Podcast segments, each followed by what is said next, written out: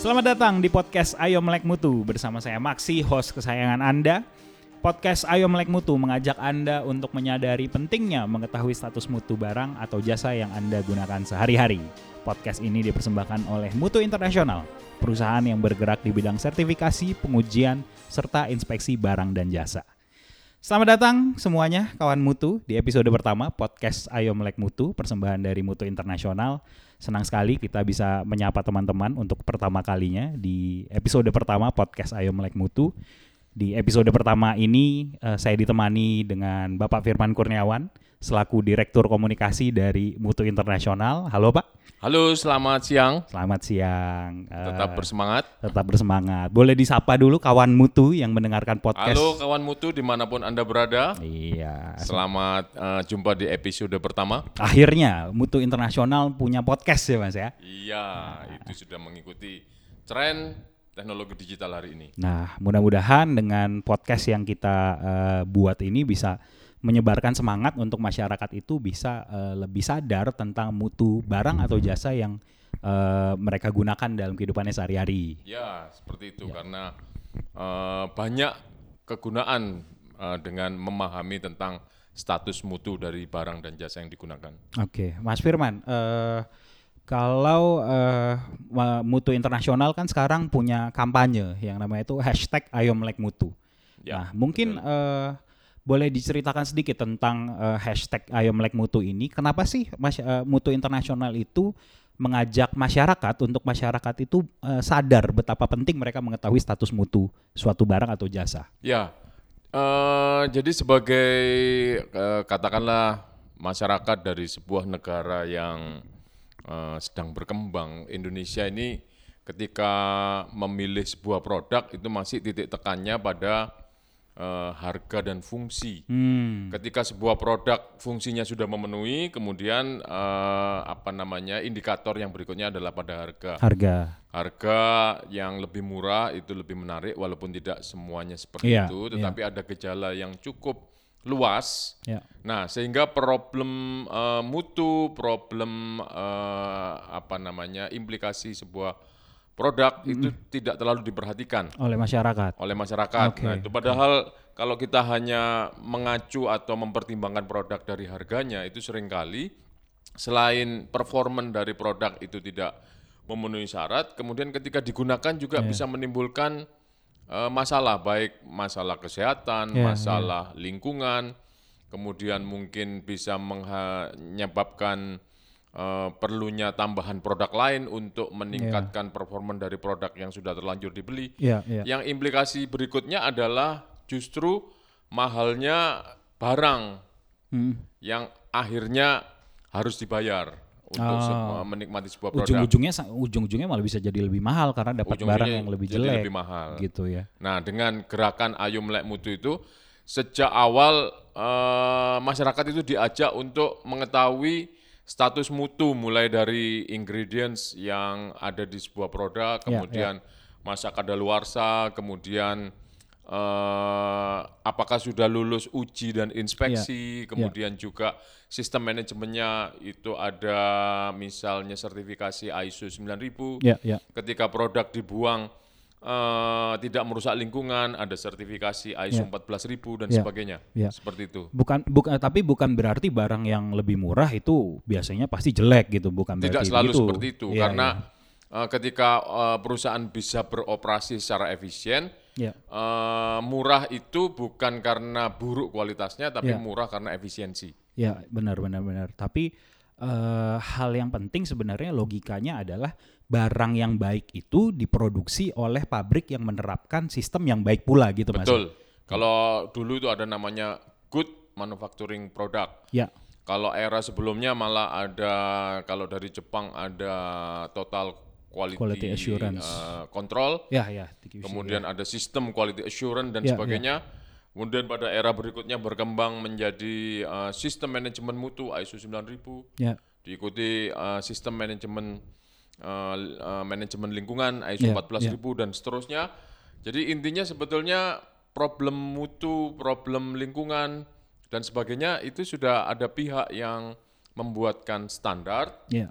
Kemudian ada yang melakukan pemeriksaan, Ya. au- auditing, inspeksi dan sebagainya.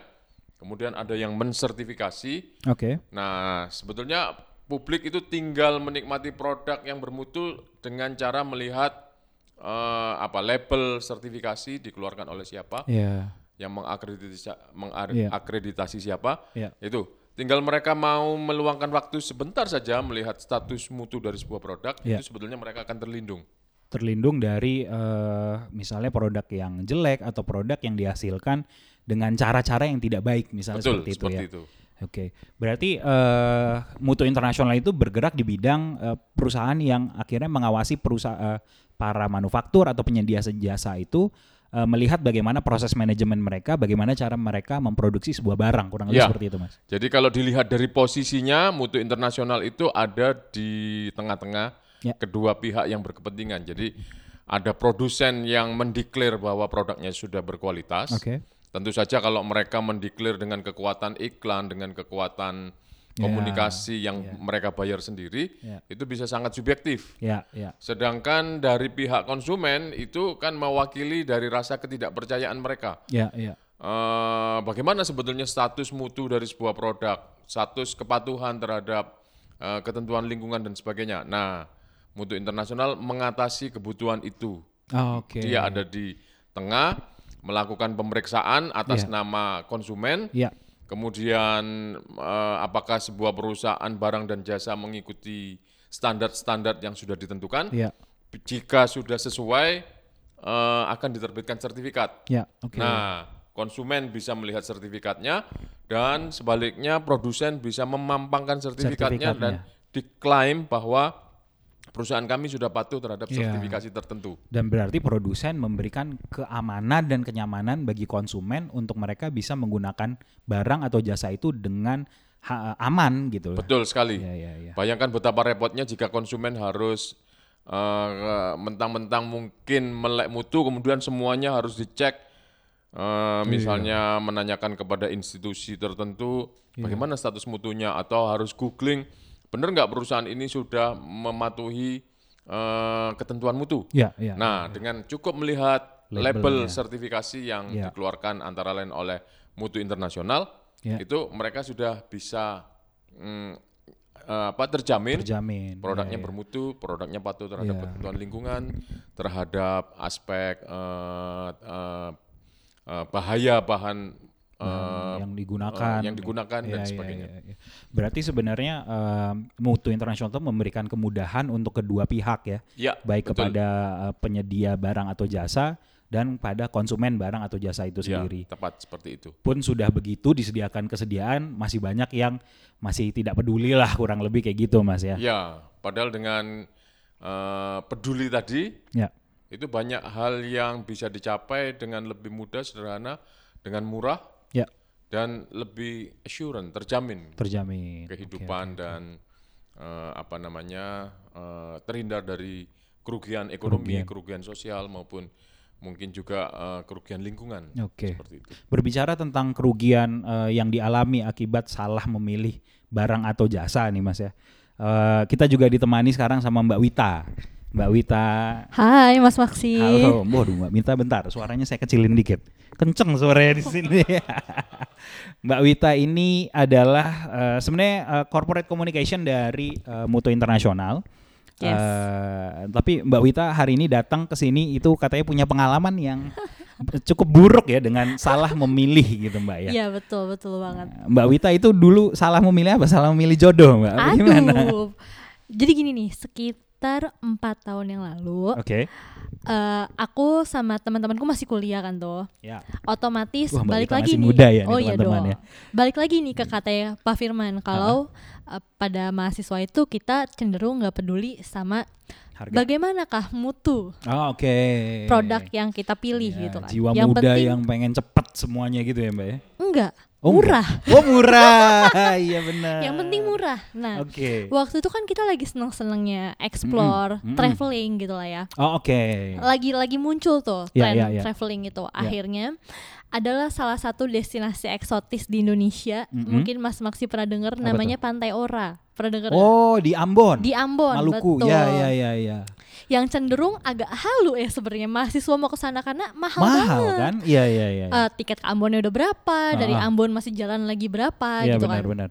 Nah akhirnya suatu kali tidak sengaja kita Mm-hmm. nemuin di sosial media ada sebuah agen pariwisata Oke. yang menyediakan jasa cuman 1,5 juta Ke all in ke ora.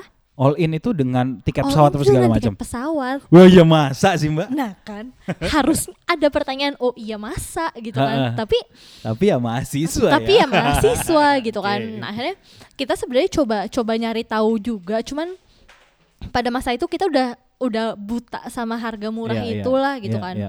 Kita nggak kepikiran kalau yang namanya yang namanya usaha pariwisata itu kan harusnya kita bisa cek dulu dia punya nggak sih TDUP gitu kan. Dia Iya, punya iya, nggak iya. sih sertifikasi kalau emang dia TDUP tuh itu apa? Tanda, tanda daftar, usaha, pariwisata. pariwisata. Nah, Oke. Hmm, hmm, hmm. itu kan seenggaknya itulah yang minimal kita cek dia punya nggak sih TDUP Iya, dia iya, bukan iya. travel bodong lah istilahnya gitu Ya, kan tapi oke. namanya mahasiswa gitu kan Iya iya iya. nah ya udah akhirnya kita membayarkan satu setengah juta ke sana Hmm, hmm. dan ya udah kita disuruh menunggu kedatangan mereka di bandara sesuai yang udah dijanjikan Jadi itu skemanya adalah ketemuannya di bandara. ketemuannya di bandara Jadi Kita udah tiket apa bayar, segala macam itu nanti diberikan dikasih. di bandara Oke. katanya kayak gitu oke, itu orang masih bisa dikontak sampai hari H keberangkatan kita Oke. kebetulan saya kuliah di Bandung Ha-ha. saya sama teman-teman saya tuh udah sampai dari Bandung ke Jakarta Oh ke naiknya di. bandara Ah oke. naik travel kita udah Ah. nunggu dan di hari itu juga orangnya nggak bisa dihubungi hilang Oke. hilang total gak ada Berapa bekas. orang waktu itu mbak? bertujuh loh mas Wah satu setengah juta kali tujuh ya lumayan nah ya. itu dia gitu maksudnya Iya, iya, iya, iya. kita tadinya nggak menaruh curiga karena sampai hari H pun dia masih bisa dihubungi sebenarnya gitu Ah. pas hari H hilang jadi kita sedih di bandara udah nggak jadi berangkat Iya, ditipu iya. pula gitu Iya, kan iya. nah semenjak saat itu saya nggak kapok buat pergi Iya iya iya. tapi seenggaknya saya akan selalu Ngecek. meluangkan waktu buat Ah. ngecek lah gitu Oke oke oke oke. gitu sih Jadi kira-kira hal-hal hal-hal termasuk sampai ke pariwisata apa segala macam pun itu tuh eh, apa ya kerugian itu senantiasa ada di sana dan bisa mengancam kita terus gitu ya. Nah itu Kurang dia lebih. gitu. Sedangkan kan waktu kita buat ngecek sebenarnya nggak banyak. Eh waktu kita buat ngecek tuh sebenarnya nggak banyak gitu, nggak mengganggu kegiatan kita Oke, sehari-hari. ya. Sebenarnya kita bisa ngecek dulu gitu ya. Betul. heeh. Jadi nggak nggak eh, eh, intinya kita sebagai eh, konsumen itu harus kritis lah ya, iya. ngecek dulu, lihat Itu dulu dia. gitu ya. heeh, heeh. Bahkan eh, apa namanya eh, kita harus tahu juga bahwa si eh, penyedia jasa dalam hal ini pariwisata itu tuh harus ada sebenarnya ada regulasinya loh. Mereka harus harus punya TDUP tadi tanda daftar usaha pariwisata tadi dan itu adalah hal-hal yang sebenarnya eh, harus dicek dulu oleh konsumen sebelum mereka menentukan akan pakai jasa yang mana. Iya gitu. betul. Karena nanti bener kata Pak Firman tadi. Eh, sebenarnya harga yang murah itu bisa muncul ketika perusahaan udah efisien, Oke. ya kan? Nah Iya. kalau kayak tadi saya, saya tetap mau berangkat ke Ora kan, Iya, akhirnya iya, ngulang lagi dong mesennya ke Iya. travel lain yang lebih terpercaya gitu loh. Dan- jadi jadi double cost kan? Dan ternyata berapa range budgetnya biasanya, Mbak? dan ternyata range budgetnya ke Ora tuh sekitar 7 sampai 7 sampai 10 juta lah itu jauh banget Too sih gitu kan. true ya. iya nggak mungkin satu setengah juta tuh sebenarnya Sebenarnya pun kalaupun kita sekilas udah apa namanya eh udah udah melihat sebenarnya rada jauh gitu ya, tapi tetap kita tergiur sih sama harga ya. ya iya sih iya, gimana iya. ya itu murah soalnya Murah gitu banget kan ya. Heeh, Iya, iya, heeh. iya, iya, benar benar benar. Jadi eh ya bu- lagi-lagi buka penekanannya bukan berarti kalau harga murah itu kualitasnya pasti buruk, cuman eh harus kita harus eh, sadar bahwa eh kalau harga murah pasti ada sesuatu yang dikorbankan. Nah, Betul. itu apakah itu nah, apakah itu kualitasnya atau yang lain itu kita harus cari tahu. betul Jadi jangan sampai kita eh, too good to be true tadi gitu. Dan itulah gunanya mungkin ada sertifikasi gitu ya. iya benar Iya. Saya mau kembali ke Pak Firman sebentar. Ya. Eh, gimana Pak Firman? Eh, ancaman itu kan memang benar-benar nyata. Betul. Dan eh, sebagai konsumen apa yang harus ditanamkan sebenarnya sehingga mereka bisa menjadi konsumen yang tidak dirugikan gitu. Ya, itu tadi tidak mudah percaya pada pesona harga murah. Gak cuman harga mungkin ya, Tidak mungkin cuma tampilan harga, gitu ya. kemudian kan secara logis berapa biaya pesawat eh, yang wajar ke Iya, iya. tempat wisata tersebut, kemudian biaya akomodasi lainnya, apa Iya. mungkin bisa dicapai semurah itu? Iya. Kalaupun mungkin eh, mestinya misalnya perusahaan menunjukkan skema-skemanya ada sponsor atau Iya. ada pihak lain yang mendukung sehingga event ini memungkinkan untuk murah. Ya. Kalau tidak bisa seperti itu, ya udah nggak usah percaya, jangan terpesona pada tawaran apa produk yang eh, murah tadi ditawarkan dengan murah. Ya, ya. Nah, yang lain yaitu tadi eh, untuk terhindar dari eh, apa namanya tertipu, Tertipu oleh ya, ya. Kerugian lah itu ya, apa pun bentuknya itu. itu dengan melek mutu dalam pengertian luas. Ya. Jadi mutu bukan hanya pada barang, tapi juga jasa, Jasa. yang ditawarkan pihak lain. Iya, benar-benar. Kalau untuk wisata ini ada ketentuan peraturan, Peraturan pemerintah, pemerintah. nomor 52 tahun 2012 tentang sertifikasi kompetensi dan sertifikasi usaha di bidang pariwisata. Iya, iya, iya. Jadi sebetulnya pemerintah itu sudah melindungi masyarakatnya, warganya dengan aturan. dengan aturan Iya. untuk tidak terjebak Iya, dalam kerugian iya, seperti itu. iya. Jadi bukan hanya kerugian ekonomi, mungkin juga kerugian jiwa dan raga. Iya, itu betul. sudah dibuatkan aturannya. Nah sekarang tinggal masyarakatnya bersedia peduli apa enggak bahwa dia Iya, sudah diperhatikan pemerintah. Iya, bahkan itu eh, sampai ser, apa eh, bintang hotel pun sebenarnya itu ada standar-standarnya ya. Iya, kalau hanya mengandalkan standar dari pihak penyedia jasa kan mereka ingin Self claim dong. self claim dan setinggi-tingginya Iya kan dong. untuk menimbulkan Iya, impresi dari publik. Iya, iya, iya. Nah, cuman untuk klaim saya bintang 4 atau bintang 5 kan harus ada standar yang harus dipenuhi. Iya, harus ada pihak yang harus- menilai lah. Betul tadi. Nah, di situlah peran mutu internasional sebenarnya ya. Ya, ya. Iya, iya, Jadi iya. pihak penengah yang menjembatani kepentingan produsen dengan konsumen. Oke. Oke, menarik sekali pembicaraan kita pada eh, kesempatan ini. Kita belajar sedikit tentang eh, bagaimana kerugian bisa muncul akibat ki- eh, konsumen itu tidak jeli atau tidak kritis melihat mutu dari barang atau jasa yang digunakan.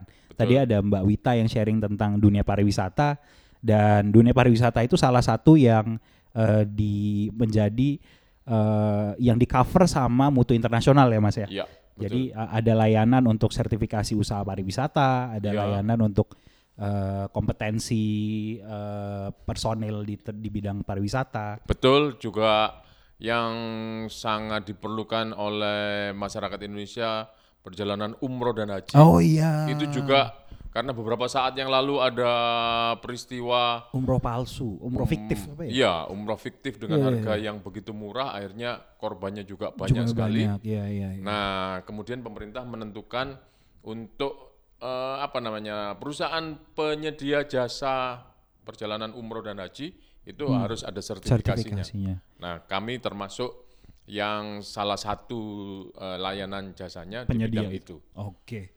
Luar biasa kalau begitu. Eh, terima kasih Pak Firman dan Mbak Wita untuk waktunya kita bisa berbincang-bincang tentang Terima kasih. mengenal sedikit tentang Siap. eh, apa namanya mutu internasional, layanan dan sebenarnya spirit yang paling utama adalah mengajak masyarakat untuk lebih jeli, lebih kritis terhadap mutu barang dan jasa yang digunakannya.